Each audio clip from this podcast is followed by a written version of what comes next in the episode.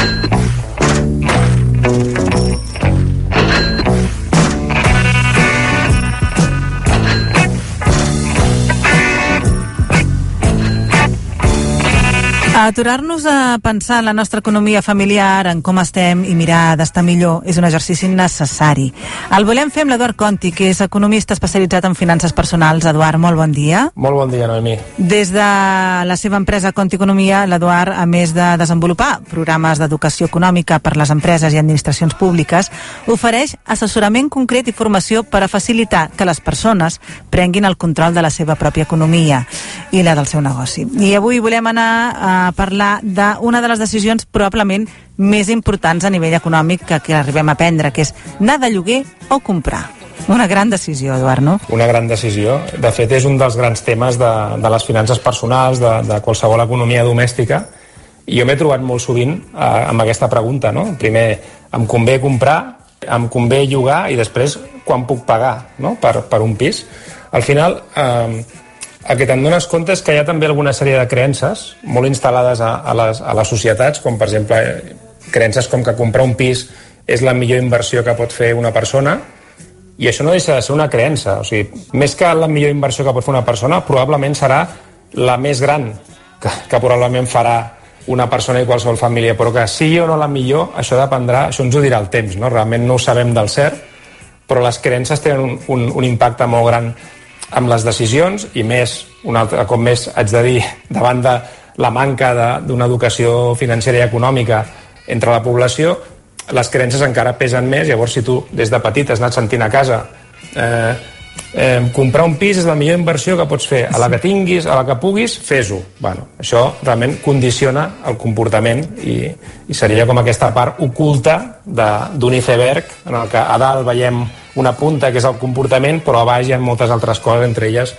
doncs el, el comportament. No? Llavors, eh, realment és, és un tema capdalt. Complicat, sí, sí.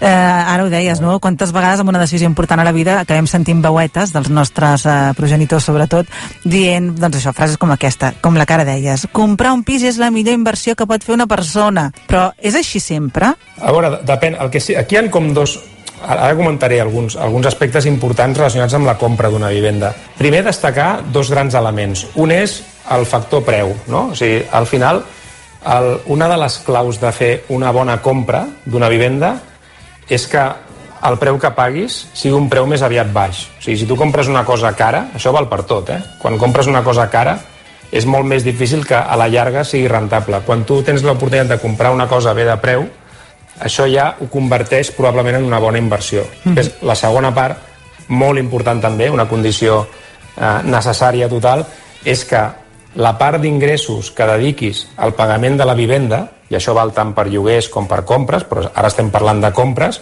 és que no dediquis més del 35% de, del teu pressupost familiar o personal a pagar, doncs en aquest cas, si és una compra, doncs a pagar la hipoteca, que, que has d'anar pagant cada, És difícil, per això, mes. no? Avui dia, amb els preus que hi ha, eh, arribar a poder comprar, i que no suposa més d'un 30 i pico per cent del teu sou, és complicat. Home, és, és molt difícil, i més perquè al final, eh, evidentment, eh, també, també havia parlat en algun altre programa de les grans tensions econòmiques que hi han a les famílies entre, d'una banda, perquè els ingressos no són molt importants i, a més a més, tenen tendència a ser una mica precaris i d'altra banda tens, a, l'altra banda tens les despeses que a vegades en algunes partides no fan més que anar pujant. No? Llavors això crea aquestes dificultats.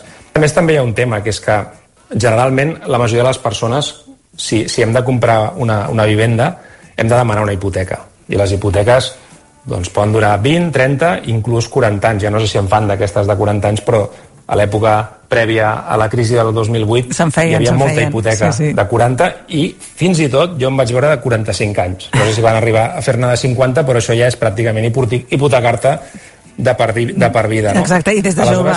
Sí, sí. I des de jove, clar, perquè per començar una hipoteca de 45 anys, perquè te la donin has de tenir menys de 25 anys, perquè si en tens 40 ja no, no te la donarien una hipoteca de 45 anys. A més a més també s'ha de tenir en compte, clar, quan tu compres una, una vivenda, doncs has de pagar unes despeses que no es financien per la hipoteca i has d'avançar aproximadament un 20% de la vivenda. Això vol dir que, per exemple, per comprar un pis de 200.000 euros, el banc eh, et podrà fer una hipoteca de fins a 160.000 però després hauràs de... Els altres 40 els posaràs tu, però a més a més aquestes despeses típiques del 10%, que en aquest cas serien 20.000, fa que tu hagis de posar 60.000 euros i 60.000 euros no els té tothom avui, avui en dia ni, ni mai, no? O sigui, no és una cosa tan, tan senzilla. Abans, què passava?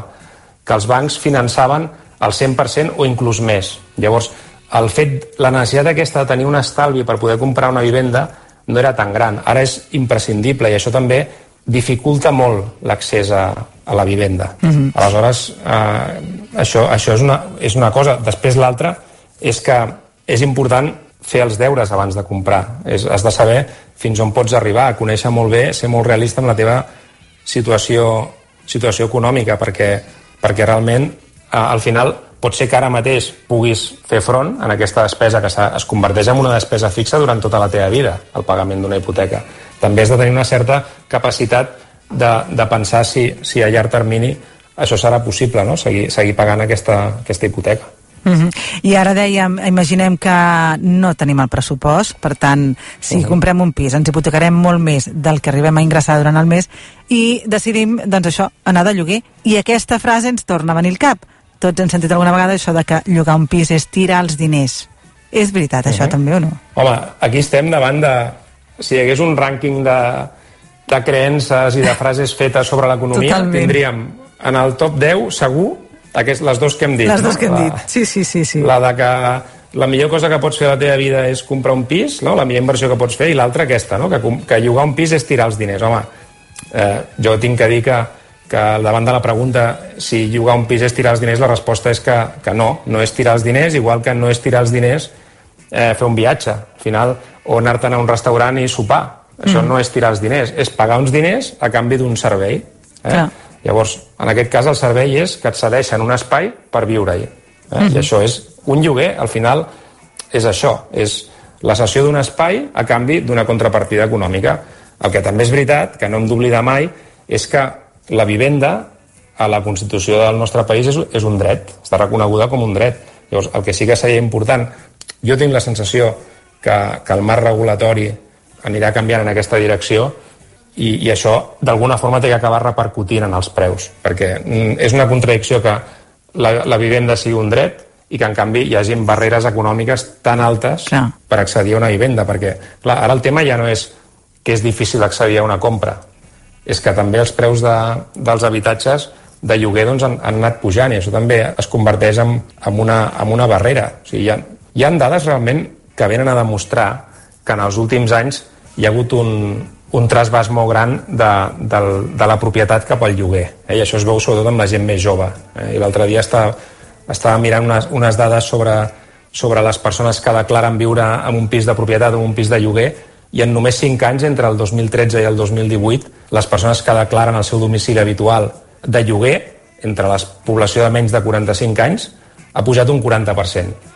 Eh? Només en 5 anys, del 2013 al 2018, la gent de menys de 45 anys s'ha desplaçat completament cap, a, cap al lloguer. I, en canvi, la propietat, doncs, en 5 anys, s'ha perdut un, un 33%. Uh -huh. I, I això és una qüestió també generacional, no? Quan, quan estàvem parlant de, dels millennials, dels millennials exacte. doncs en aquí, en aquí jo crec que, que, que conflueixen dues qüestions. D'una banda, les circumstàncies, les circumstàncies econòmiques dificulten l'accés a la compra, uh -huh les circumstàncies laborals dificulten l'estabilitat que et permet tenir una nòmina quan vas al banc et diguin d'acord, et concedeixo aquesta hipoteca i després també hi ha l'element dels valors, de la manera de viure, del que jo realment vull.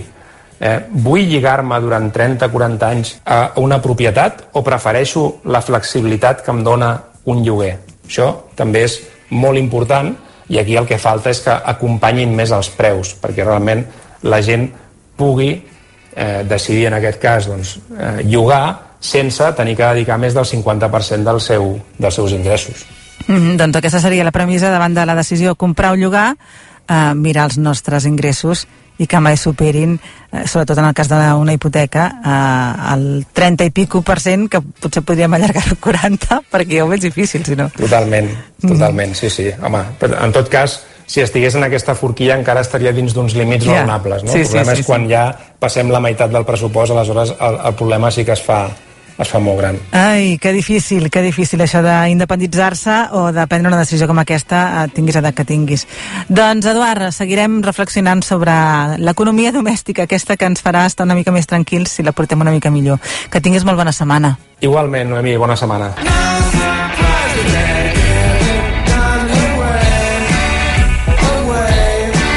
La primera pedra, amb Noemí